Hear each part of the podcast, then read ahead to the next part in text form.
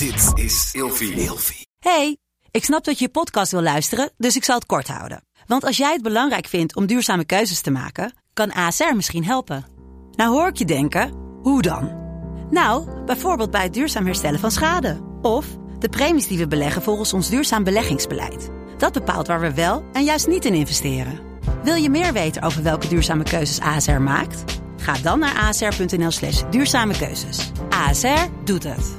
Zo, dan kan je nu lekker naar je podcast luisteren. Deze podcast wordt je aangeboden door bodyhouse.nl. Betaal nooit verzendkosten voor je dagelijkse dosis vitamines, voeding, supplementen, shakes, fatburners en pre-workouts op bodyhouse.nl. Welkom bij FHM's Vrouwen aan de Top. FHM-hoofdredacteur Chris Riemens en Ilvius producer Ramon gaan elke week met dames uit de FHM 500 in gesprek over de successen in hun leven. Hoe schoppen ze het eigenlijk zover? Hoe zijn ze daar gekomen? Wat zijn hun talenten? En hoe hard werken ze voor wat ze hebben bereikt? FHM's Vrouwen aan de Top is een samenwerking tussen FHM en Ilvi. Wij hopen met deze podcast een bron van inspiratie en motivatie te zijn voor alle jonge vrouwen. Ja, welkom bij een nieuwe episode van FHM's Vrouwen aan de Top. Ramon, ik hoop dat je scherp bent vandaag. Jazeker. Want als deze vrouw aan je zijde staat in de rechtbank, dan sta je eigenlijk al met 3-0 voor voordat de zitting überhaupt is begonnen. De blondine staat namelijk al vier jaar onafgebroken in de top 100 van de FHM 500. En daarmee kunnen we wel concluderen dat we vandaag de mooiste advocaten van Nederland te gast hebben in onze podcastshow. Een hartelijk welkom voor Julia Mekkes. Nou, wat een aankondiging. Die heb ik nog nooit zo gehad hoor. Dat is een mooie, mooie primeur. Lekkere binnenkomen. Ja, zeker. Bedankt voor de uitnodiging. Ja, heel leuk dat je er bent. Ehm, we beginnen deze podcast altijd om jouw cv door te nemen. En wat is jouw, eh, dus, wat is jouw volledige naam?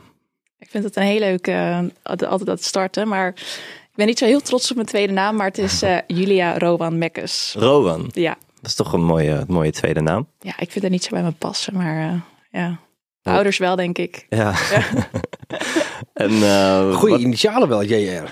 Ja? JR, ja, vind ik ja. mooi. Oh, nou. Kijk eens positief weer. het glas is half vol bij Ja. ons. Eh, wat is je geboorteplaats? Amsterdam.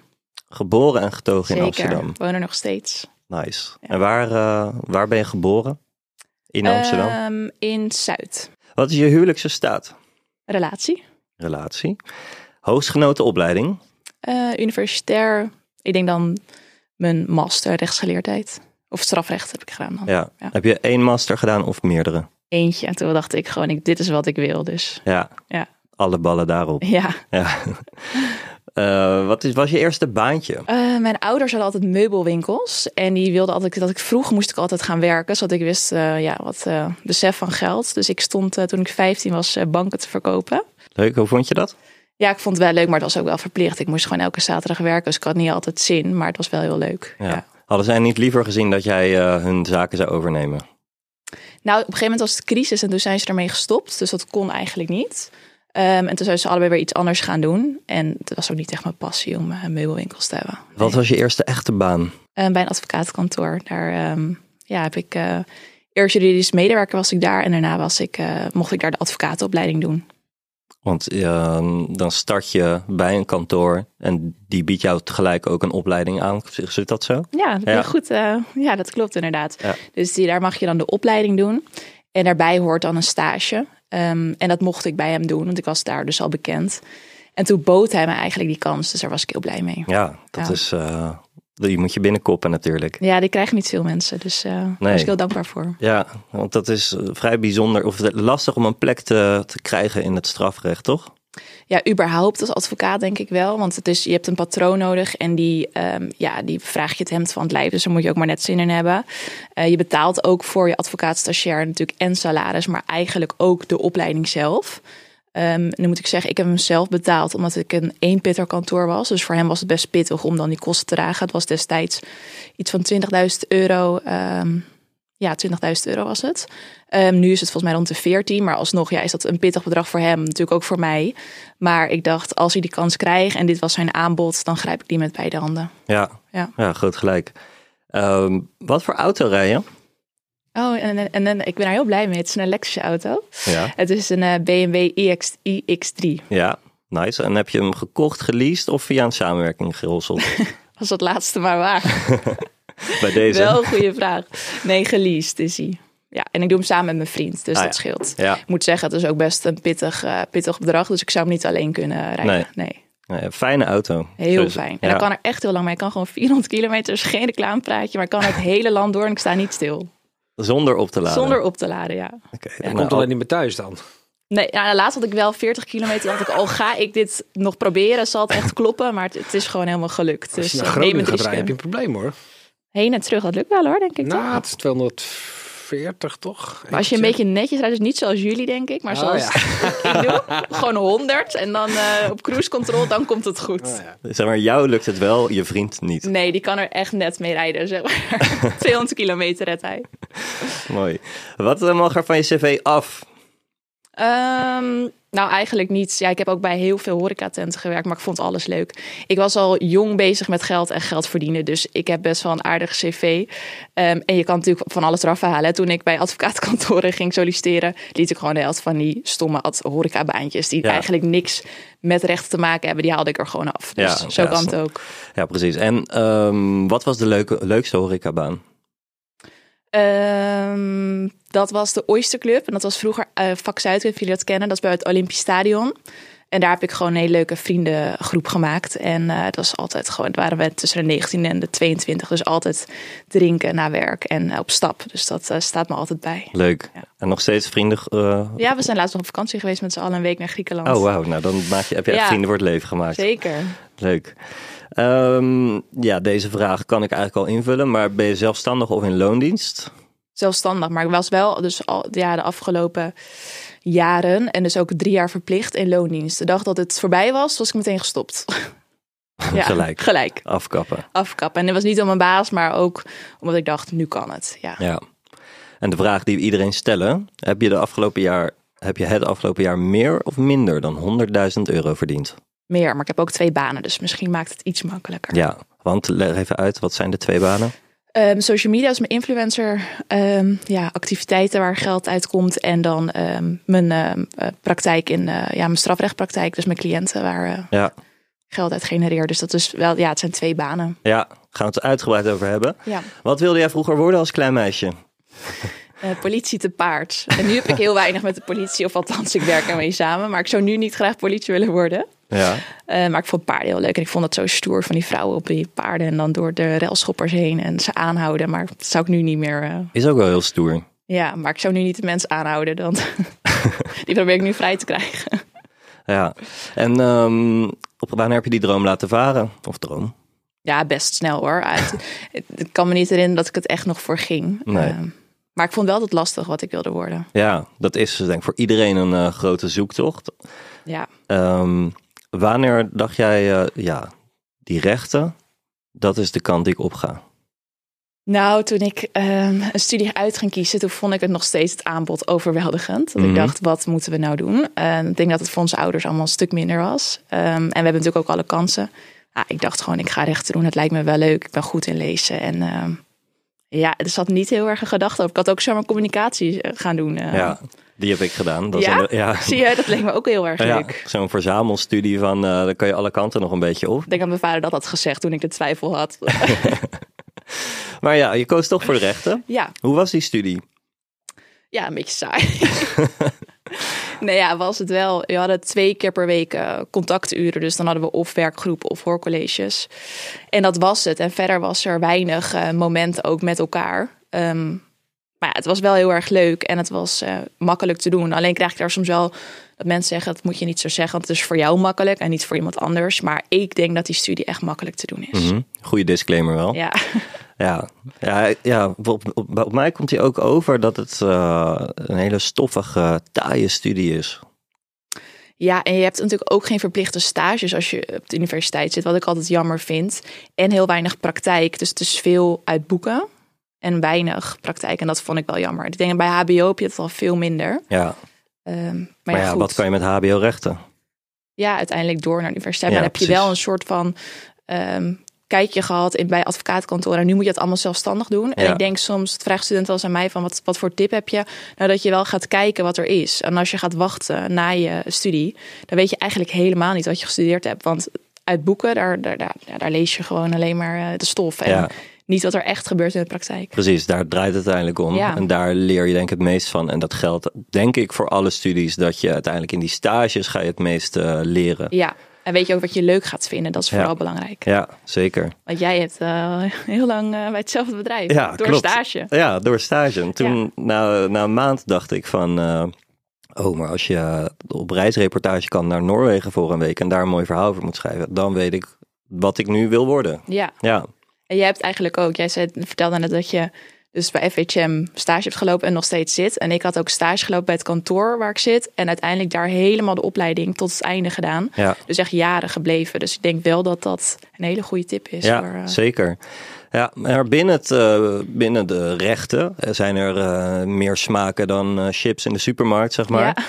Ehm, waarom heb jij gekozen voor het strafrecht? Want jij bent strafrechtadvocaat. Ehm, nou, ik werkte in de gevangenis toen ik eh, ehm, aan het studeren was. Dat was een vrijwillige bijbaan. En ik vond het altijd heel erg interessant eh, wat die mensen eigenlijk hadden gedaan. Maar daar mochten we ze niet mee helpen. Mochten ze bijvoorbeeld helpen met... Mag ik mijn parkiet op de cel? Eh, wanneer kan ik mijn kinderen zien tijdens bezoek? Dus we gaven gratis juridisch advies, maar niks over de strafzaak. Maar dan soms liet iemand doorschemeren, want ik zit nog zeven jaar. Toen dacht ik, oh, wat zou jij gedaan hebben? En ook de man daarachter. Dus ja, waarom heeft iemand zoiets gedaan? Dus daar was ik eigenlijk heel erg benieuwd naar. Maar ja, dat was niet aan mij. En toen steeds meer ging het interesse voor het strafrecht eh, ja, bij mij wel opwekken. Ehm, ja, en toen dacht ik, dit is, moet ik eigenlijk denk ik gewoon gaan doen. Ik vond het ook wel een leuk vak op school hoor. Alleen, ja, toen dacht ik wel, ja, is het wat voor mij? Ehm, maar toen uiteindelijk ben ik heel blij met dat. Toen, heb ik die stages gedaan. Toen zag ik wat meer van strafrecht. En toen dacht ik, ja, dit is iets voor mij. Ja, het is denk ik ook de meest tot de verbeelding sprekende voor de, voor de massa eh, eh, specialisatie binnen de, eh, binnen de rechten. Ja. Want dat, ze- dit, de strafrecht zijn de zaken die altijd in het nieuws komen. Precies, ja, want je ziet niet zo vaak van dat iemand een echtscheiding in het nieuws of zo. Ja, dat Ligt eraan wie. Ja, Ligt ligt eraan wie. wie, dat is waar. Ja, Zijn er genoeg die we kunnen opnoemen, inderdaad. ja zeker. zeker de afgelopen, na het afgelopen jaar. En ehm, wat zijn in jouw ogen de belangrijkste kwaliteiten waarover een eh strafrechtadvocaat moet be- beschikken? Nou, ik denk een heleboel als ik af en toe mijn praktijk zo zie. Ehm, maar vooral empathisch vermogen, dat je echt in kan leven in iemand. En iedereen is anders, helemaal in het strafrecht. De ene is rijk, de ander is arm, de ander heeft een hele erg problematiek, de ander niet. Ehm, je moet geduldig zijn, zowel je moet heel veel wachten op je cliënt, maar ook heel erg in de, in de rechtbank of dat het uitloopt. Ehm, betrouwbaar en deskundig, denk ik. Ja, mooi. Empathisch, geduldig, betrouwbaar en deskundig. Ja, Dat lijkt me een prima, prima ja. samenvatting aan skills die je moet, eh, die je moet hebben. En hoe heb jij je die eh, eigen gemaakt? Ik denk empathisch, dat is iets wat je eh, van nature een beetje moet beschikken. Of is dat trainbaar? Nou, denk, nee, ik, denk dat, het voor sommigen wel wat lastiger is om zich heel erg in te leven. Ik doe het soms iets te veel, dus dan heb ik helemaal maatwerk dat ik dan denk eh, van, oh, ehm, jij zal wel, ja, het is lastig te zeggen, maar dat ik dan ze helemaal een soort van gerust wil stellen van het komt goed en dan me echt heel erg bezorgd ben de dag ervoor. Dus dat ik dan al heel erg mee bezig ben, dat ik soms denk van, oké, dit is niet helemaal mijn, eh, eigenlijk mijn pakje aan, maar goed, dan zegt ze mij, ik ben zo zenuwachtig en dan belt ze me nog een keertje. Ehm, ja, dus ja, ik denk dat ik dat al sowieso heb. Ja, en deskundig, ja, je, je blijft maar studeren en eh, cursussen volgen. Ehm, Nu nog steeds? nu nog steeds, ja, je moet echt per ehm, ja, wat, wat- het rechtsgebied wat je doet, dus strafrecht, maar doe ook jeugdstrafrecht. En ik doe ook nu sinds kort slachtofferzaken. En daarin moet je elk jaar weer bepaalde punten halen ja, om bij te blijven. Ja, Wat ook logisch is, hè, want het verandert continu natuurlijk. ja, zeker. Een beetje zoals een piloot zijn vlieguren moet maken, moet Ja. jij bewijzen aan de hand van cursussen eh, dat je nog steeds up-to-date bent Ja. en relevant als advocaat. Ik heb toch even een vraagje inhakend hoor. Tenminste, de, de mensen die dit luisteren, die moeten echt even naar YouTube of naar TikTok gaan om te kijken hoe je eruit ziet. Of jou even googlen. Ehm, je bent een hele mooie verschijning. Je staat niet voor niks de FHM 500. Je hebt 143.000 volgers op Instagram. Je bent een leuke dame. Is het wel eens nadelig in jouw vak? Snap je wat ik bedoel? Nou, ehm, ik, de voordeel is wel dat je heel veel cliënten uit Instagram dus krijgt. Dus Oh. heel veel mensen die zich aanmelden van... oké, ik heb hier een dagvaarding ontvangen of ik moet ervoor komen. Wil je me bijstaan? Oké. Dus dat is een voordeel. Ehm, ik heb nog niet echt een nadeel ondervonden. Al denk ik dat mensen in mijn beroepsgroep er wel iets van vinden. Er zijn nu wel steeds meer meiden die zeggen van... oké, laten we het strafrecht makkelijker maken. Maar ik denk wel dat er mensen zijn die het niet in mijn gezicht durven zeggen. Maar dat denk ik echt wel. Die denken van, goh, ik vind dat niet helemaal kunnen. Of ehm, ik ben liever heel erg anoniem. Want advocaten zijn natuurlijk eigenlijk heel erg anoniem. Je kan er bijna niks over vinden. Nou, je hebt een paar grote jongens natuurlijk wel. Ja, maar ze- ja, precies. Maar niet echt qua social. Ze zullen nooit iets Nee. delen van eh, weet je wie een vrouw is of eh, dat zou je allemaal niet weten. Inderdaad, ik heb gisteren nog even onderzoek gedaan. Eh, hebben de bekende advocaten van Nederland, hebben die Instagram? Nou, Nee. Nee. Nee, precies. Nee. Dus nee, ja, en het is dus wel steeds meer opkoming bij de nieuwe doelgroep die dat dus wel juist inzetten ook voor een bedrijf. Ehm, maar ja, het is natuurlijk niet. Ja, wat- Niet? Ja, het hoort, het hoort misschien niet. Nou, dat vind ik, tussen ik vind dus, ik vind dat het ook moet kunnen, maar ja, New Wave. ja. Ja. En heb jij nou je eigen kantoor nu? Ja, Ja. maar ik heb nog niet, eh, wat ik net pas voor mezelf ben begonnen sinds dit jaar, heb ik nog niet een fysiek kantoor. Mhm. Maar eh, ja, ik heb ook echt door het hele land met cliënten zitten. Dus ik denk ook niet dat iemand van Limburg zin heeft om naar Amsterdam te komen. Dus tot nu toe gaat het goed. Ik kan ook soms eh, ja, voor een kantoor van iemand lenen waar ik dan afspraken heb. Ehm, maar misschien wil ik dat ter zijn tijd wel. Misschien als ik met meer meiden ga samenwerken of zo. Ja. Ja. En wat voor soort cliënten heb jij? ja, van echt een winkeldiefstal tot een zedenfeit. Dus het is, het is heel uiteenlopend. Het is ook niet zo dat ik zeg van deze zaak doe ik niet. Misschien wel als ik bijvoorbeeld denk van oh deze cliënt eh, heeft heel veel problematiek, psychisch, ja, TBS-achtig. Daar, ja, daar heb ik nog te weinig ervaring bijvoorbeeld eh, mee. Maar verder is het dus de ene dag een winkeldiefstal en de andere dag kan het een eh, ja, poging doodslag zijn. Het is, van alles wat. Wat is de meest spraakmakende zaak die je onlangs hebt gehad? Of in, misschien gewoon het afgelopen jaar? Ik heb wel meegeholpen bij mijn vorige advocaat- advocaatkantoor aan mediazaken.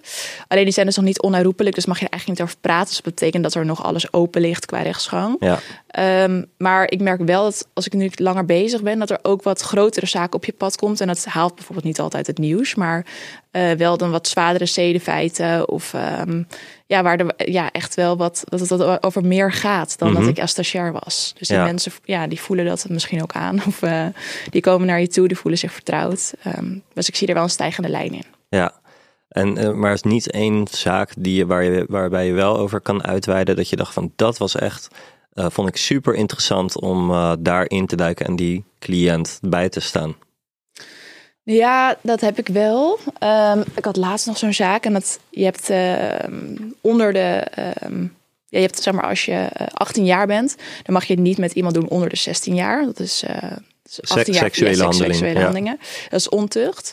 Ehm, en het ging om een meisje van eh 13 en die jongen die was 18 of 18 plus. En eigenlijk is dat op voorhand strafbaar, want dat mag gewoon niet.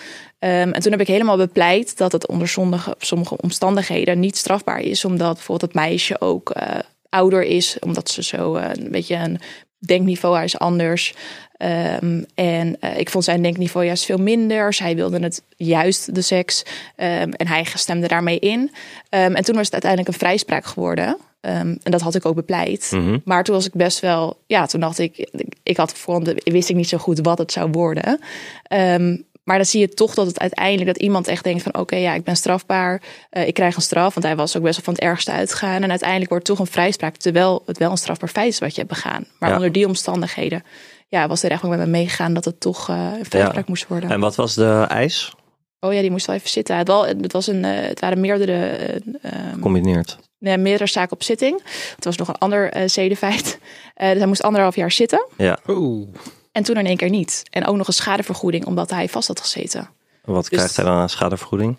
Eh 130 euro op het politiebureau. En Per dag? hond- Ja, een 100 euro uit mijn hoofd in huis van bewaring. Dus echt in detentie.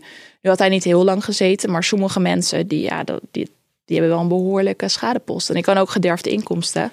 Dus het loopt bij eh, sommige verdachten als ze uiteindelijk eh, toch worden vrijgesproken echt in de duizenden euro's. Ja. Ja. En hoe bepleit je eh, dat je had nu die zaak, dat 13-jarige meisje, jij, Mhm. zij, zij is volwassener dan, dan haar leeftijd, de, voor, voor haar leeftijd. Mhm. Hoe bepleit je dat?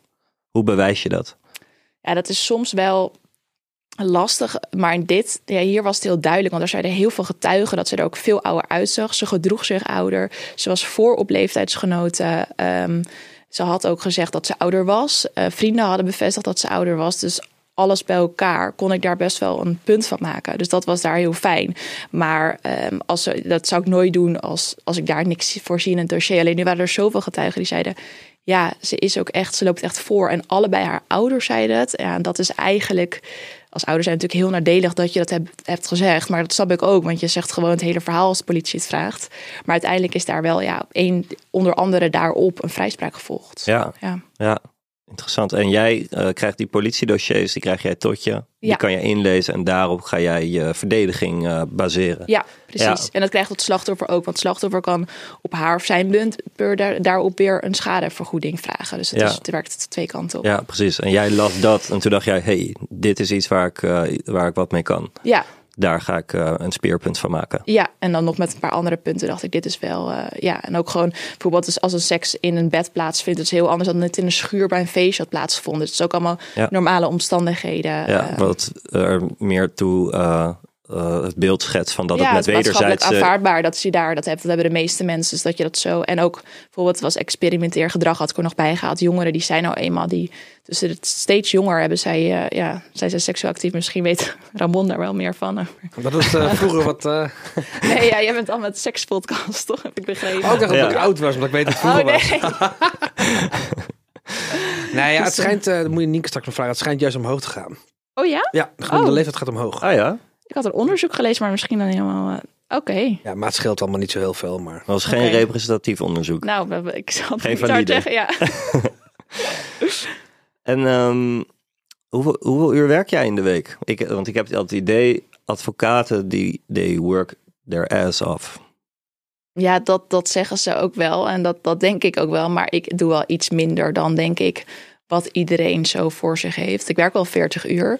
Maar ik hoor soms ook advocaten. Ja, ik ga pas om 10 uur slapen. Mhm. En ik eh, sta om half zeven op. Ja, dat doe ik niet. Maar ik werk ook voor mezelf. Dus ik plan het zelf in. Ja, Dus ik werk gewoon, denk ik, 40 uur. En dat is het. eh, ja. ja. En, Maar ik zit bijvoorbeeld ook hier. Dus dat is, valt natuurlijk eigenlijk niet onder de advocatuur. Maar het is een beetje allebei door elkaar heen. ja, dus eh, dat is wel gecombineerd van advocatuur en influencer dingen. Ja, alleen dat hebben jullie ook wel. Je gaat natuurlijk ook in de avond naar events toe. Ja. eh, reken je dat erbij. Dus ik denk Ja. dat het wel iets meer is. Mhm. Maar ik ben niet iemand die zegt oh, om half zeven staat mijn telefoon en dan loop ik meteen er. Dat, dat heb ik gewoon niet. Nee. Juist niet. En ik vind ook dat het gewoon goed is zo. En dat ik genoeg verdien. En dat ik niet denk van oh, ik moet nog meer werken. Of Nee, wil ook gewoon een beetje genieten. ja, zeker. Eh, denk minstens zo belang, veel belangrijker in Ja. mijn ogen dan eh, heel veel geld. Ja, ik hoor sommige mensen zo zeggen van ja, ik ben alleen maar daarmee bezig. En dan denk ik van ja, dat, dat zo zou ik nooit worden. Maar Nee. Want het beeld eh, dat, of het imago dat advocatuur heeft, is dat er heel veel geld in kan worden verdiend. Ook bij strafrecht. Tenminste, ik had dat beeld ook van, ah ja, dan verdien je zeker wel lekker. Wat kun jij daarover zeggen? Nou ja, in loondienst verdien je sowieso niet echt lekker als strafrechtadvocaat. Waar hebben we het dan over? eh, als advocaat stagiair verdien je volgens mij het begin nu 2900, 3100 en dan 2 of 3300. Dus je gaat elke keer een stapje omhoog. Eh, ben je klaar zoals eh, na, na drie jaar, dan verdien je tussen de 3500 en 4000. Ik weet het dan omdat ik mijn, allemaal mijn collega-advocaten die dan hele heftige salarisgesprekken hebben. Dus ik zit daar wel eens dat ik dat dan aanhoor dat ze gaan oefenen. Eh, dus dat zijn het. Kijk, het is natuurlijk niet weinig geld, maar je werkt echt heel hard in loondienst. Ehm, dus ja, en ja, voor jezelf kan je natuurlijk meer eh, ja, omzet. Het is natuurlijk je eigen omzet. Dus Ja, precies. is wel meer. Ja. Ja. Maar eh, ja, de echt, eh, de echt grote vissen, die eh, hebben wel een uur... Gerard Sprong heeft volgens mij al een uurtarief van 500 euro. Ja. maar ja, er zijn natuurlijk maar echt een paar die echt... Ja, Er zijn heel veel strafrechtadvocaten, vooral in Amsterdam. Dat is ook wel een beetje een probleem, dat er zoveel advocaten zijn. Ook met verdelen van cliënten, natuurlijk met piketdiensten. Dus dan ga je, ja, dan is het eigenlijk dat je heel weinig wordt ingeroosterd. Dat is juist het moment om nieuwe cliënten te krijgen. Ehm, maar goed, het is gewoon ja, een goed salaris. Alleen, ja. Ja, het is niet uh, Zuidas, uh, Zuidas praktijken waar je, dat, waar je dat allemaal verdient. Uh. Uh, fiscaal recht Zuidas praktijken. Ja, dat is, dat is goed verdienen. Ja, ja want wat, wat doen die ongeveer? Wat, ze, wat ze die zouden verdienen? Ja? Nou ja, dat weet ik niet, maar dat, dat zijn uh, pittige uurlonen. Dat ja. ik denk wel dat je daar aan moet denken. Dus, ja, en het is allemaal betalend, hè? dus het is helemaal geen prodeo zoals in het strafrecht. Ja. Dus ja. het is... Uh, Want jij doet veel prodeo. Ja, 90% je... van mijn praktijk is ja. prodeo. Kun je even uitleggen wat prodeo is? Uh, dan kom je eigenlijk in aanmerking als je uh, ja, onder bepaald inkomen verdient. Volgens mij is het iets van onder de 27.000 euro bruto per jaar. Um, en dat, ja, dat, ja, dat, als je een partner hebt, is het volgens mij dat het iets hoger is. Ehm, maar ja, als je daar eh, ja, onder zit, dan krijg je gewoon volledige eh, rechtsbijstand eh, vergoed. Ja, En dan moet je een eigen bijdrage betalen van 156 euro. En dat is voor mensen ook heel lastig soms. per. Per zaak. Dus Per dat, zaak. Ja, dat halen ze er gewoon van af. Zeggen ze dat moet iemand zelf betalen. Ook al ben je helemaal niet vermogend. Dat is gewoon wat ze hanteren. Ja. Wat ik bij heel veel mensen laat zitten. Want ja, als je het niet hebt, dan heb je het niet. Ja, Mhm. Dan denk ik van laat maar zitten. Ja, Dat is wel lief eigenlijk. Ja, maar ik ben langer bezig met tien keer vragen of ze het kunnen overmaken. Dan dat ik denk van laat maar zitten. Het is wel waar, ja. Ja, dat, ik, in het begin deed ik dat wel eens. En dan zeiden ze van, oh, mag ik, anders betaal ik elke maand 10 euro. En toen dacht ik, oh, die 156 euro, wat is dat voor mij in het geheel? En voor iemand anders, die mist dat echt heel erg. Dus zo denk ik het ook een beetje. En dan, ja, al heb ik soms wel eens een cliënt gehad die het dan zo'n pak met flappen uit zijn broek trok van, kan ik het cash betalen? Dat mag natuurlijk gewoon. Maar toen dacht ik, hm, ik weet nou niet helemaal of jij voor Prodeo in aanmerking komt. Toen kom je aan al die flappen. Maar goed, dat is niet aan mij. Ik heb ook wel eens gehoord dat hele grote criminelen ehm, ook prodeo-advocaten krijgen, toch? Ja, want als ze op papier niks verdienen. Terwijl ze voor de buitenwereld heel rijk zijn. Eh, Ja. Drugsbazen, weet ik veel wat. eh, de neus, ja. hoe heet die ook alweer? Holleder. Holleder. Maar ja, papier verdient hij niks. Dus dan krijg je daar eh, krijg je gewoon een toevoeging. Dus een prodeo. eh, Heel bijzonder. ja. Maar je mag ook geen cash meer aannemen. Hè? Dus dat is ook nog eens een keertje voor advocaten. Er is nu ook een heel groot onderzoek naar. Of heel groot. Ze zijn de laatste tijd steeds meer bezig met kijken welke kantoren cash aannemen. Moskowitz, toch? Ja, maar er zijn er nog een paar die dat waarschijnlijk hebben gedaan. Dat staat in een eh, onderzoek. En je mag eigenlijk gewoon helemaal geen cash aannemen. Ja, tot 10.000 toch? Ja, tot 5000, maar dan Oh. moet het wel ook verantwoord zijn. Je kan dus niet zomaar 5000 aannemen. Dat je dus niet zegt waarom dat is en waarom die cliënt. Kijk, stel hij heeft geen bankrekening. en Het is iemand uit het buitenland en die heeft hier geen bankrekening. Dan is het verantwoord. Maar eigenlijk bijna onder geen een, enkel ander. eh, ja. vind je dat eh, iedereen recht heeft op eh, verdediging? ja, dat vind ik. Ja? Ik ben ook advocaat. dus- Ja, maar ook een Anders Breivik, die eh, gewetenloze moordenaar in Noorwegen, uit Noorwegen, die 70 mensen heeft eh, doodgeschoten. ja, eigenlijk iedereen. Iedereen. Ja. Ja. En kun je, kan jij ook die mensen bijstaan? Het is, Ehm, ehm, weiger jij cliënten? in principe weiger ik geen cliënten. Alleen zoals eerder gezegd moet het er wel bij mij passen. En vind ik ook dat ik deskundig genoeg moet zijn voor die zaak. Ik ben ook wel iemand die heel vaak gewoon collega's vraagt van... Goh, wat zou jij doen? Of zou je me willen helpen? Ehm, en ik, ja, ik vind dat iedereen recht heeft op verdediging. Omdat ook bijvoorbeeld de officier is er voor de maatschappij. De rechter is onafhankelijk, die neemt uiteindelijk de beslissing natuurlijk. Maar er is dan niemand voor de verdachte. En dat, dat zou heel raar zijn als iemand alleen zou zitten... en zichzelf moet verdedigen tegen een heel machtig persoon, een officier van justitie, als in machtig, die heeft natuurlijk heel veel kennis. Mhm. Ehm, ja, dus ik vind, vind wel dat dat moet kunnen. Alleen het is wel, soms vind ik dat bijvoorbeeld met die, ehm, die tramaanslag in Utrecht. Ja. Kijk, die meneer die was heel erg in de war psychisch. Maar die weigerde ook een advocaat. En die ging zelfs op die advocaat spugen. En toen dacht ik, ik vind het wel heel knap dat die advocaat gewoon zijn werk blijft doen. En die was wel aangesteld door de rechtbank. Maar dan denk ik wel, ja, ik weet niet, als ik helemaal word bespuugd. In een normale situatie denk ik dat hij ook weg zou zijn gegaan. Maar ja, omdat hij nu was aangesteld. eh, Ja, sommige mensen moeten natuurlijk te- tegen zichzelf worden beschermd. Ja. ja. dan ben je wel onverstoorbaar en eh, professioneel, kunnen we wel zeggen. Ja, Nee, dat is, dat is ja, bijzonder. ja. Maar ehm, het- ja, kun je wel, raak je dan wel eens ethisch met jezelf in de knoop van de- deze persoon heeft zo'n verschrikkelijk feit begaan. Eh, ik kan het gewoon niet aan mezelf verantwoorden dat ik deze persoon bij ga staan. Nee, dat heb ik echt niet. Nee? Nee. Maar als je nou een moordenaar hebt Ja, en je weet dat hij het heeft gedaan ja, en jij krijgt hem vrij, ja. wat doet dat met jou? Word je blij? Nou, dan ben ik wel blij dat, ja, als ik vrijspraak heb bepleit, ja, dat, en het is gelukt, dan ben ik wel blij. Maar je weet dat hij het heeft gedaan. Ja, dat, ja dat, maar dat schakel ik dan toch uit. Het is soms heel erg. Mijn moeder kan het ook zeggen. Van, hoe kan dat als je dan toch weet? Ja, Nee, ik vel geen oordeel, hè? Ik bedoel, nee. Ja, dat was geen wettig en overtuigend bewijs dan. En dan, ja. Prachtig dit. Maar hij zegt, ik heb het gedaan, maar dat weten ze niet. Want je hebt eh zwijgrecht, toch, als advocaat? Ja. Dus iemand kan tegen jou gewoon zeggen, ik heb het gedaan. Kun je me helpen om toch niet in de gevangenis te komen? ja, dat is onze geheimhouding inderdaad, ja. En dat, Dat- gebeurt ook wel eens, neem ik aan. Dat Ja, mensen dat zo tegen je zeggen. Want ze zijn eerlijk tegen je. Maar goed, dan kijk ik naar het dossier en naar alle feiten. Ehm, en ik zou, ook, ik, zou, ik zal altijd een advies geven. Hè? Dus als gewoon het, uit het dossier blijkt dat hij het heeft gedaan en hij wil het ontkennen, wie, dat, ik ga niet bepalen dat je het dan moet bekennen. Want als iemand zegt, ja, ik ontken het, ik zou zeggen, het is niet verstandig. Ik denk dat je een hogere straf zou krijgen. Maar goed, ik ga ook, ja, als hij zegt, nou, ik heb het gedaan, maar ik ga toch een vrijspraak bepleiten. Ja, ik zit daar niet mee. Nee. Ik zou er wel mee zitten als een onschuldig iemand eh, alsnog wordt veroordeeld. En dat gebeurt ook wel eens. Kijk, heb ik het nu een kleinere zaak hoor, maar dat een jongen dan zei, ja, ik heb het gedaan. En uiteindelijk zei hij, ja, het gaat dan om een heling. Ging het toen van wel een hele box met fietsen. Maar toen was zijn huisgenoot, maar zei, ik was een beetje bang voor die huisgenoot. Uiteindelijk heeft hij een strafblad en een hele hoge taakstraf. Maar ik kon het niet meer veranderen. Maar hij zei het pas op de zittingsdag zelf. Dus toen hij alvast had gezeten, toen hij al het verhoor had gehad. Ja, dat vind ik erger. Maar ah, ik snap het. Het is een beetje zo'n gewetensvraag. Maar ik heb dat dan toch niet als iemand wordt vrijgesproken onterecht. Nee. Een overwinning is een overwinning. Ja. En in hoeverre ben jij op zoek naar de waarheid bij je cliënt? Ik vind het makkelijk als ze het zeggen. En ik zie ook wel als iemand die het achter van zijn tong laat zien. Dan denk ik, nou ja, er zit, je weet echt wel meer dan dit. Uh, maar je hoeft het mij niet te vertellen. Alleen kijk, dan soms komt er een dossier binnen en dan zeg ik, nou vriend, het is toch niet helemaal zoals je had verteld. En dan gaan ze vaak wel praten. En sommigen zeggen gewoon meteen echt van A tot Z. En dan klopt het precies wat in het dossier staat. Um, dus het hoeft van mij niet. Maar ik denk wel dat mijn verdediging sterker is als je mij gewoon de waarheid vertelt. Ja.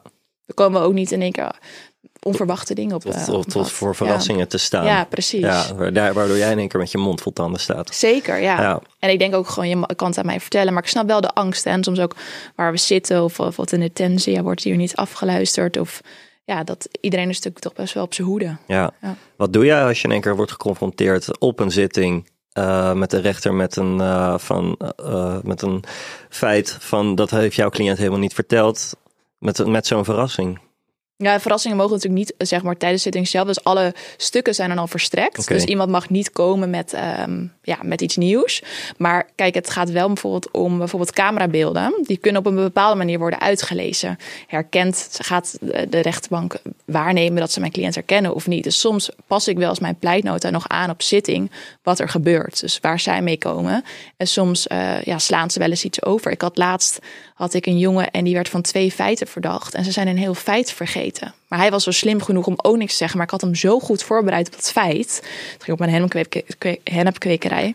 Ehm, en dat hele feit, dat, dat sloegen ze over. Maar hij keek mij ook een beetje aan. Maar ik ook. Maar ik had dat nog nooit gehad. En nou ja, er is gewoon, eh, ja, het is gewoon helemaal eh, niet gezien. Gewoon vergeten. Vergeten.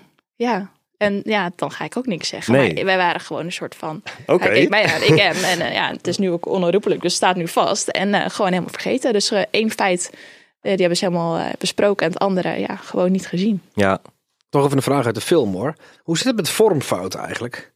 Dus in de zin van, nou, oh, we hebben een inval gedaan en hij was thuis met zijn kinderen, maar de kinderen waren er bijvoorbeeld helemaal niet. Ja. Dus ze maken een fout op schrift. Ja. Is dat, kun je daar mensen op pakken? Ja, daar kan je zeker mensen op pakken. Ja. Dus het kan leiden tot dat eh, de, of een zitting niet doorgaat. Ehm, maar zij hebben er, het is wel heel lastig om je daarop te beroepen. Want het is wel vaak zo eh, dat het alsnog, eh, ja, dat ze daar wel een goed argument op hebben. Dus dat ze het hun dan heel goed indekken. Maar er zijn ook geslaagde verweren op, ja. Het lijkt me een fantastisch vak, echt. Kom een dagje meelopen. ja de snuffelstage. Ja. Ik Dat lijkt me hartstikke Ik leuk. denk dat het dag te kort is. Ja, Een week. Goed. snuffelweek. ja, want in Nederland heerst eh, nog wel eens de, ehm, de tendens, Ja. ik denk de algemene opinie, dat eh, de gevangenissen in Nederland een soort hotel zijn. Dat lees je altijd op die in reacties op, op eh, Facebook vooral, Facebook, ja. want het is waar. Jij komt heel veel in gevangenissen. Ja. Wat kun jij hoe, hoe kijk jij ernaar? Ja, ik vind dat absoluut niet. Ik, ik, ik, wil, ik zou wel eens een keertje willen dat al die mensen, ik zou het zelf eigenlijk ook wel eens een keer willen, gewoon hun week dat meemaken. Want iemand bepaalt gewoon van ochtends tot 's avonds wat jij gaat doen. Dus als jij denkt van ik wil een keer om één uur naar buiten. Nee, jouw luchtmoment is elke dag van 11 tot 12.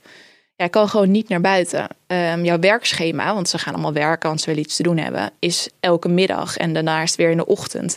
En je, ja, je zit gewoon opgesloten en helemaal een dubbelcel, dus met meerdere personen. Het is echt heel klein. Eh, Zit je dan met z'n tweeën, ja, max? ja, maar je hebt ook meer personen. Dat is vaak wel als je uitstroomt hoor. Dus als je al bijna naar, buiten gaat. Maar niemand dat eigenlijk op een meerpersoonscel. Stel voor dat je de hele dag met diegene zit. Ja, het je, je deur is wel even open. Ja, ik snap dat. Kijk, het hotel, dat doen ze omdat ik denk... Nederland is best wel goed geregeld. Qua, je mag eten Voorzieningen. bestellen. Ja, voorzieningen, et cetera. Je hebt vaak een telefoon op cel, een douche op cel. Televisie? Televisie, soms Playstation, et Maar geen PlayStation 5, hè? Wel, volgens mij een PlayStation 2 2 of zo. Oh ja, weet je dat? Dat heb ik wel eens ge- gelezen. Ik weet niet of het waar is hoor. Ja, maar, gelezen Chris. Op Facebook. Ze hebben genoeg te doen. Ja, Nee, maar het is natuurlijk verschrikkelijk. Iemand bepaalt alles voor je. En, Ja. eh, dus ja, ik vind dat totaal niet. En, eh, maar ja, goed. Ja, het, het- Nederland heeft heel erg zijn- mening ook. Die vindt ook altijd van alles. Als er bijvoorbeeld weer iemand zijn straf is voorbij is, dan zeggen mensen: Oh, kan toch niet? Dan denk ik, ja, maar ja, dat is toch gewoon iemand heeft zijn straf uitgezeten. Ja, die komt gewoon weer vrij. Die moet weer een kans in de maatschappij. En zo is het nou eenmaal. En daar hebben we ook allemaal voor gekozen dat dit ons rechtssysteem is. Dus ik snap niet zo goed waar mensen er allemaal over vallen. Dat, eh, ja. Hetzelfde geldt voor ehm, dat Nederland zo licht straft. ja, ja, dat feitelijk, ook niet. Dat is gewoon onzin, toch? Ja, dat is onzin. Ja. En ook ja, dat ze dan zeggen, ja, ik vind dat de rechters heel licht straffen. Ja, oké, maar wij hebben toch bepaald dat we het aan de rechter overlaten en dat we geen jury nemen. Wat ik alleen maar goed vind, want ik dat zit mijn twijfels bij. Maar dat is gewoon echt niet. Maar mensen denken altijd, oh, hij heeft maar tien jaar gehad. Maar besef even, als wij tien jaar, dag in, dag uit. Deze mensen hebben niks te vertellen. Hè? Deze vertellen elke dag hetzelfde. Maar vandaag wel een man, ik heb mijn haar eh, kort geknipt. Ik zeg, oh, leuk. Hoe staat het? Ja, echt leuk. Maar wanneer kom je er? Want kan jij even kijken. Het gaat nergens over. Maar dit is zeg maar het hoogtepunt van hun week. Ze hebben hun haar geknipt. Dat is, je wordt gewoon bijna geen mens meer. Want dat is wat je. Een andere man die verzorgt een hondje. En die is dan heel tijd over zijn hondje aan het praten. En dat hij het nu eh, af kan. En dat hij ook kan liggen en zo. Ja, het gaat nergens over. Dus Ja, Ja. leven wordt zo extreem klein. beperkt. Ja. En heel veel mensen komen niet op bezoek meer hoor. Na eh, twee jaar dan denken ze, nou, het is goed met Pietje. Eh, hij zit lekker daar. Eh, ik kom niet meer. Mhm. Dus ja, ik En dan ben jij nog de enige contactpersoon de van die enige mensen. contactpersoon. Dan kom ik Een hoop en bange dagen. Als ze zijn afgestraft eigenlijk niet meer. Maar dan heb je nog van die beklagzaken. Dus wat er niet goed gaat in detentie. Ja. Maar ja, ze Ben je wel eens in, in eh, Vught geweest? De zwaarst beveiligde Ja, gevangenis? ja, ja. IBU, toch? EBI, ja. EBI. Ja. Ja.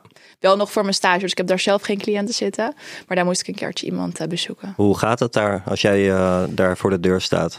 Ja, op zich wel. Elk ander, eh, ik weet niet meer precies hoeveel bordje gaat door moet. Maar je moet gewoon volledig door de check heen. Maar dat is bij elke zo. Maar sorry, Ehm, was dat in Vught of bij de EBI? Want de EBI is natuurlijk een gevangenis in een gevangenis. Ja, daar ben ik ook een keer met De hem echte geweest. EBI ben je geweest. Ja, ja, ja. Extra beveiligde instelling. Ja. Maar dat was wel echt in het begin. Ridu Alleen Taghi en zo zitten daar toch? Ja, en ze worden ook alweer vast soms verplaatst. Hè? Want eh, ze moeten wel, eh, ze mogen niet op één plek zitten. Dan- Nee, straks komt de helikopter te landen. Nee, Ja. er zit een dek net overheen. Kijk, hij is goed in gaas. Ja, dat is ingelezen, goed? Ja. ingelezen. Hij heeft Google voor zijn neus. Ja. nee, maar EBI, poeh. Ja, maar daar moet je wel gewoon door checken. Maar het, zo, elke gevangenis is niet makkelijk binnen te komen. Of tenminste niet makkelijk. Je moet gewoon wel door zo'n poortje heen en alles af. En als het nog een keer piept, wordt wel gewoon goed gecontroleerd. Maar goed, er komt natuurlijk veel binnen. Ik weet niet wie het allemaal binnenkrijgt. Maar ze zeggen wel eens bewakers. Maar Ja, dat ook want net zo goed. ook daar, ook, de, ook in de gevangenissen kun je gewoon nog, eh, wordt er gewoon gebloot en zo. Ja, dat zeker. Ja. Komt toch binnen. Komt toch binnen. Ja, ik vind dat bijzonder. Ik denk, ja, bezoek wordt wel goed gecontroleerd. En ik denk ook niet dat je dat, dat, je dat doet. Maar goed, bezoek zonder toezicht. eh, het blijft mij altijd raadsel hoe ze aan alles komen. Ja, Ja. Ja, want in principe kun je al- alles krijgen in de gevangenis. alles krijgen, ja. Want de bellen ze ook wel eens, oh, ik had een urinecontrole, maar ik heb iets. En denk ik, oh ja, waarom doe je dat dan ook? Maar ja, je weet niet wanneer die urinecontrole komt. En als jij net hebt gebloot, ja, dan ben je wel de sjaak. Ja, Ja. dat blijft er ook nog wel een tijdje in zitten. In je Zeker, ja.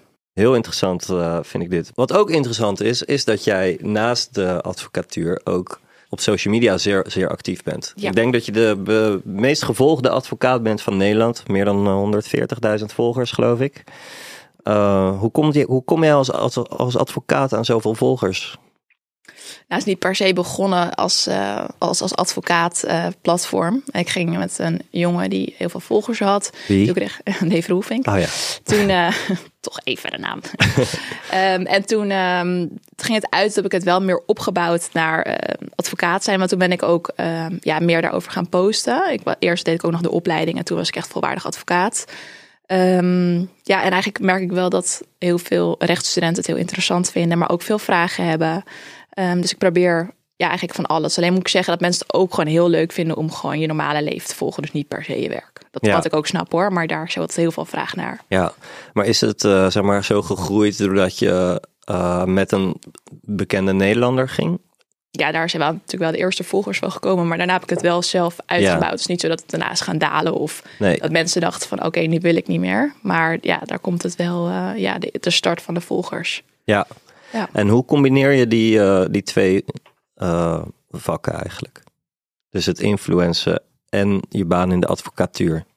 Nou, ik probeer altijd wel iets te posten, iets interessants, waar de volgers dan wat aan hebben, ad- advocatuur. Ehm, en verder, ja, eh, lifestyle posten. Ja, een beetje van, van beide door elkaar heen. Dus niet per se op eentje helemaal Ja. gefocust, maar op een beetje op allebei dan. En wat voor lifestyle dingetjes komen dan voorbij? Ja, van vakanties tot dingen over je vriend, tot tips van date nights, eh, noem het maar op. Ja, wat, wat, wat meiden net dan weer leuk vinden. Ja. Kijk altijd een beetje wat er in je DM komt. Dus ik denk van, oké, daar krijg je veel vragen over. Dus bijvoorbeeld van, eh, kan je wat werkoutfits laten zien? En dat we dat dan deze keer eh, belichten en de andere keer weer spelletjes, tips. Dus van Ja. alles. Ja. Hoe, wat zijn jouw werkoutfits? Nou, niet dit. Het is een beetje het is een soort crop top aan, maar het, was, het is hier heel warm. Je bent nu als influencer Eh, ik gekleed. ben nu als influencer gekleed. Eh, ik heb altijd gewoon een pak aan. Dus dat vind ik het lekkerst. Ik ben niet zo van de rokjes. Ik heb altijd gewoon hetzelfde blazer met hetzelfde pantalon. En eh, daar gewoon een top onder. Ja. Dat vind ik fijn. Ja. Maar in de rechtbank gewoon classic neem ik aan, toch? Dan heb je je toga erover aan. Is dat verplicht? Is verplicht, ja. Ja. Gisteren zei een jongen heel lief van... Mevrouw, hoe heet dat pakje wat u altijd aan heeft? Dat is een toga. Zei die, heeft u dat ook aan als ik op zitting moet komen? Ik zeg, ja, en de rechters ook. Oh, wat vet eigenlijk. Ik zeg, nou... Maar ik zeg al tegen iedereen van... Kijk even naar Voor de Rechter, dat programma. Want je denkt dat het heel vet is om voor te komen. Maar totdat je dan daar zit, dan krijg je toch heel veel vragen. Het is toch niet meer zo heel erg vet, weet je wel? Dus eh, En dan moeten die jongens barsten in huilen uit. ja... Gebeurt het wel eens? Ja, maar Ja. ook wel goede tactiek worden. Dat ik denk, wat ben jij nou aan het doen? Heb ik, heb ik je nog nooit gezien. Ja, dan moeten ze toch langer zitten. En dan is het toch even huilen. En ik mis mijn vrouw en mijn dochter. En, maar dan denk ik van, oh, nou hebben we niet ingestudeerd dit. Ja. En met het influencer, wat voor, eh, wat voor dingen, wat voor samenwerkingen ga je aan? Mm, nou, ik doe het al best wel lang. Volgens mij nu bijna vijf jaar. Dus ik heb veel dezelfde eh, campagnes. Dezelfde terugkerende Dezelfde partners, zeg klanten, maar. ja. Ehm, dus van eh, Zoals? een Dyson, daar werk ik al heel lang Ja, mee samen. Goede draadloze stofzuiger. Ja, maar ik Goed, doe heel veel haar, niet haarproducten doe ik. Dus, eh. Maar ook, eh, ook eh, inderdaad gewoon dingen voor in huis. Ja. Ehm, ja, En krijg je ook heel veel spullen aangeboden? ja, ik krijg wel veel spullen, ja. Maar dat, ik, ik vind dat soms ook een beetje, dan krijg je iets opgestuurd en dan denk ik, ja, ik hoef het eigenlijk niet. Dus dan vind ik het ook een beetje lullig om er dan niks over te posten. Dus ik vind eigenlijk dat bedrijven sneller moeten vragen van, ehm, ja, wil je het wel hebben, zeg maar. Dat, Ja. dat vind ik eigenlijk. Dus dat ze dat meer, eh, Ja. want anders denken ze toch van, oh, ze, gaan, ze- je Ze hebben je over. adres, ze sturen het gewoon op. Ja, naar je management of zo. En dan krijg je heel veel van die pakketten. En dan denk ik, ja, ik vind het ook zonde, want ik gebruik het niet, maar ik ga er ook niks over posten. Dus dan voel ik me soms ook een beetje bezwaard. Dus ik vind eigenlijk dat ze dat gewoon even moeten vragen of je het wilt hebben. Ja. Ja. Ik ben wel heel, heel lief eigenlijk. Ook, eh, Ja? eh, Oh. je, zeg maar, Nou. je vindt dit zielig voor de, voor de merken die opsturen. En je vindt eh, het zielig voor cliënten dat ze Ja. geen geld hebben. Dus denk je, ah, laat maar zitten. Dus ja, toch wel dat empathisch vermogen misschien. Ja, zeker. Is eh, bij deze Yes. afgevinkt. Check. Ehm, ja, wat je al zei is dat er veel, dat je veel in je DM's ook vragen krijgt van stu- de rechten studenten. Eh, wat zou jij hen adviseren als zij het willen maken in de advocatuur? Mm, ligt er wel een beetje aan welk rechtsgebied. Maar ik denk vooral dat je ehm, op één ding moet focussen. Dus dat je, zoals wat wij aan het begin zeiden over het stage, dat je bijvoorbeeld voor één stage heel erg moet gaan en niet per se honderd bijbanen hoeft te hebben. Ehm, en daar proberen gewoon eh, ja, door te pakken en uiteindelijk daar je plekje te veroveren. En gewoon echt doen wat je leuk vindt en niet bijvoorbeeld voor het geld. Of dat je denkt, ik denk dat ook strafrechtadvocaten helemaal in loondienst, dat je echt het heel leuk moet vinden dat je dat vak doet. En niet per se eh, om het geld of om een andere reden, maar dat het echt je passie is. Ja, Ja, ja. dat denk ik wel. En hoe is eigenlijk die balans tussen jouw influenceractiviteiten en, het, en de advocatuur qua tijdverdeling? Mm, ik denk een beetje 50-50. Alleen bijvoorbeeld met campagnes is het in de zomer altijd heel erg rustig. En nu ben ik dus lekker mijn cliënten een beetje aan het oppakken. Dus juist veel meer bezoekjes naar hun. En ehm, gewoon wat extra zaken neem ik dan bijvoorbeeld aan. En bijvoorbeeld de kerstperiode is er en de campagne is weer heel erg druk. Dus dan, ik weet het een beetje goed te verdelen altijd. Dus Ja. het is een beetje per periode. Ja, dat is lekker dat je eigen baas bent, dat je dat Zeker. zelf eh, kan. Ja, want ik weet in december was het altijd super druk. Ook met events en zo. Dus dan weet ik ook gewoon dat ik dan ja, daar rekening mee moet houden. Wie is in jouw ogen de beste strafrechtadvocaat van Nederland? Ik vind de gebroeders Anker Kedi, die vind Ja? ik heel goed. Eh, daar heb ik ook veel eh, ehm, ja, lezingen van gehad. En ehm, ook die punten die je dus moet halen elk jaar. Die doe ik ook vaak bij hun. Zij zijn wel gestopt, maar ik vind hun zo... Ja, aan de ene kant veel humor hebben. eh, maar ook gewoon als je hun zo'n zaak... Die docu over hun, als je hun een zaak ziet pleiten. Gewoon zoveel, ja, zoveel kennis. Maar ze doen het ook op een goede manier. Ja, ik vind hun wel echt... eh, Ja, ze zijn geen showadvocaat, ze blijven bescheiden. dat hè? vind ik dus. En ze zijn echt super groot. En ook in hun lezingen en alles wat ze daarnaast doen zijn echt ondernemers. Maar toch zijn ze echt heel, eh, heel bescheiden inderdaad. Ja. Ja. En er is een documentaire over hen. Ja, over hun is een documentaire, ja. En ook over dat het einde van hun, eh, want ze zijn natuurlijk nu gestopt, daar komt ook nog iets over. Dus eh, ja, Aanrader om te kijken. aanrader zeker. Ja. Ja. Vet. Je zei het al, lezingen. Ja. Jij geeft ook lezingen. Ja, klopt. Online heb ik dat gegeven tijdens corona. Mhm. En gewoon op universiteiten zelf. Waarom ben je dat gaan doen? Wat ik het leuk vond, en ik kreeg vaak die aanvraag ehm, online, omdat ook mensen zeiden van ja, je gaat vaak naar Utrecht of naar Groningen, maar ik ben juist in Limburg, dus dan heb ik het gewoon voor eh, studenten dat het zelf konden kopen. Ehm, maar ook als ik ergens word gevraagd, dan ga ik daarheen. Ja, en waar gaan je lezingen over? Eh, dat ze mogen het vaak wel zelf invullen, want ik kan het ook ehm, Op ja, bestelling. Op bestelling maken. dus het kan ook eh, helemaal aangepast zijn. Maar het gaat vaak over toch de weg naar het advocaat worden en eh, mijn praktijk, dus wat ik meemaak. Omdat mensen dan ja, willen horen of het wel of niet bij hun past, advocaat. En het is natuurlijk ook best wel een spannende baan, dus dan eh, Ja. dat vinden ze leuk. Ik kan me voorstellen door jouw bekendheid op social media dat je daar heel veel aanvragen voor krijgt. Ehm, nou ja, het valt nog wel mee en ik doe het ook niet heel veel, want soms, kijk, het, het hoeft niet allemaal om geld te gaan, maar kijk, sommige ehm, universiteiten, of het zijn dan vaak afsplitsingen van, dus de studentenvereniging, ze hebben ook niet allemaal heel veel eh, centjes natuurlijk. Nee. En het, is best wel, het kost best wel veel tijd, dus ik doe er niet te veel. Ik doe er niet meer dan één of twee per maand. Ja. Ja, ik kan me voorstellen. Maar het is ook zo'n... Ja, voor niks gaat de zon op en je hebt al genoeg werk. Dit, eh, ja, dat zoiets ga je niet voor, eh, voor, voor free doen, toch? Nee, dat deed ik wel, maar op een gegeven moment zei iemand van een andere advocaat van ja, dat moet je echt niet meer voor, voor free doen, inderdaad. Ja. Want je- ja, je, je geeft gewoon kennis en eh, dat kan gewoon niet meer. Dus dat doe ik eigenlijk ook bijna niet meer. Ja. Ja. Een hele andere vraag, want je staat, eh, zoals in de intro al eh, even benoemd, je staat al vier jaar in de top 100. Nou ja, dat vind ik heel wat. Ik Ja. weet helemaal niet welk nummer ik sta dit jaar, maar ik ga eens even kijken. Ja, nou, je krijgt er eentje mee naar huis. Ja, ik, ehm, ik, ik, ik weet het niet uit mijn hoofd eigenlijk. Volgens mij op 92 dit jaar. Maar echt, eh, ik kan ik het wel opzoeken. elk jaar, maar... Je staat elk jaar wel hoog. Wat vind je eigenlijk van onze lijst?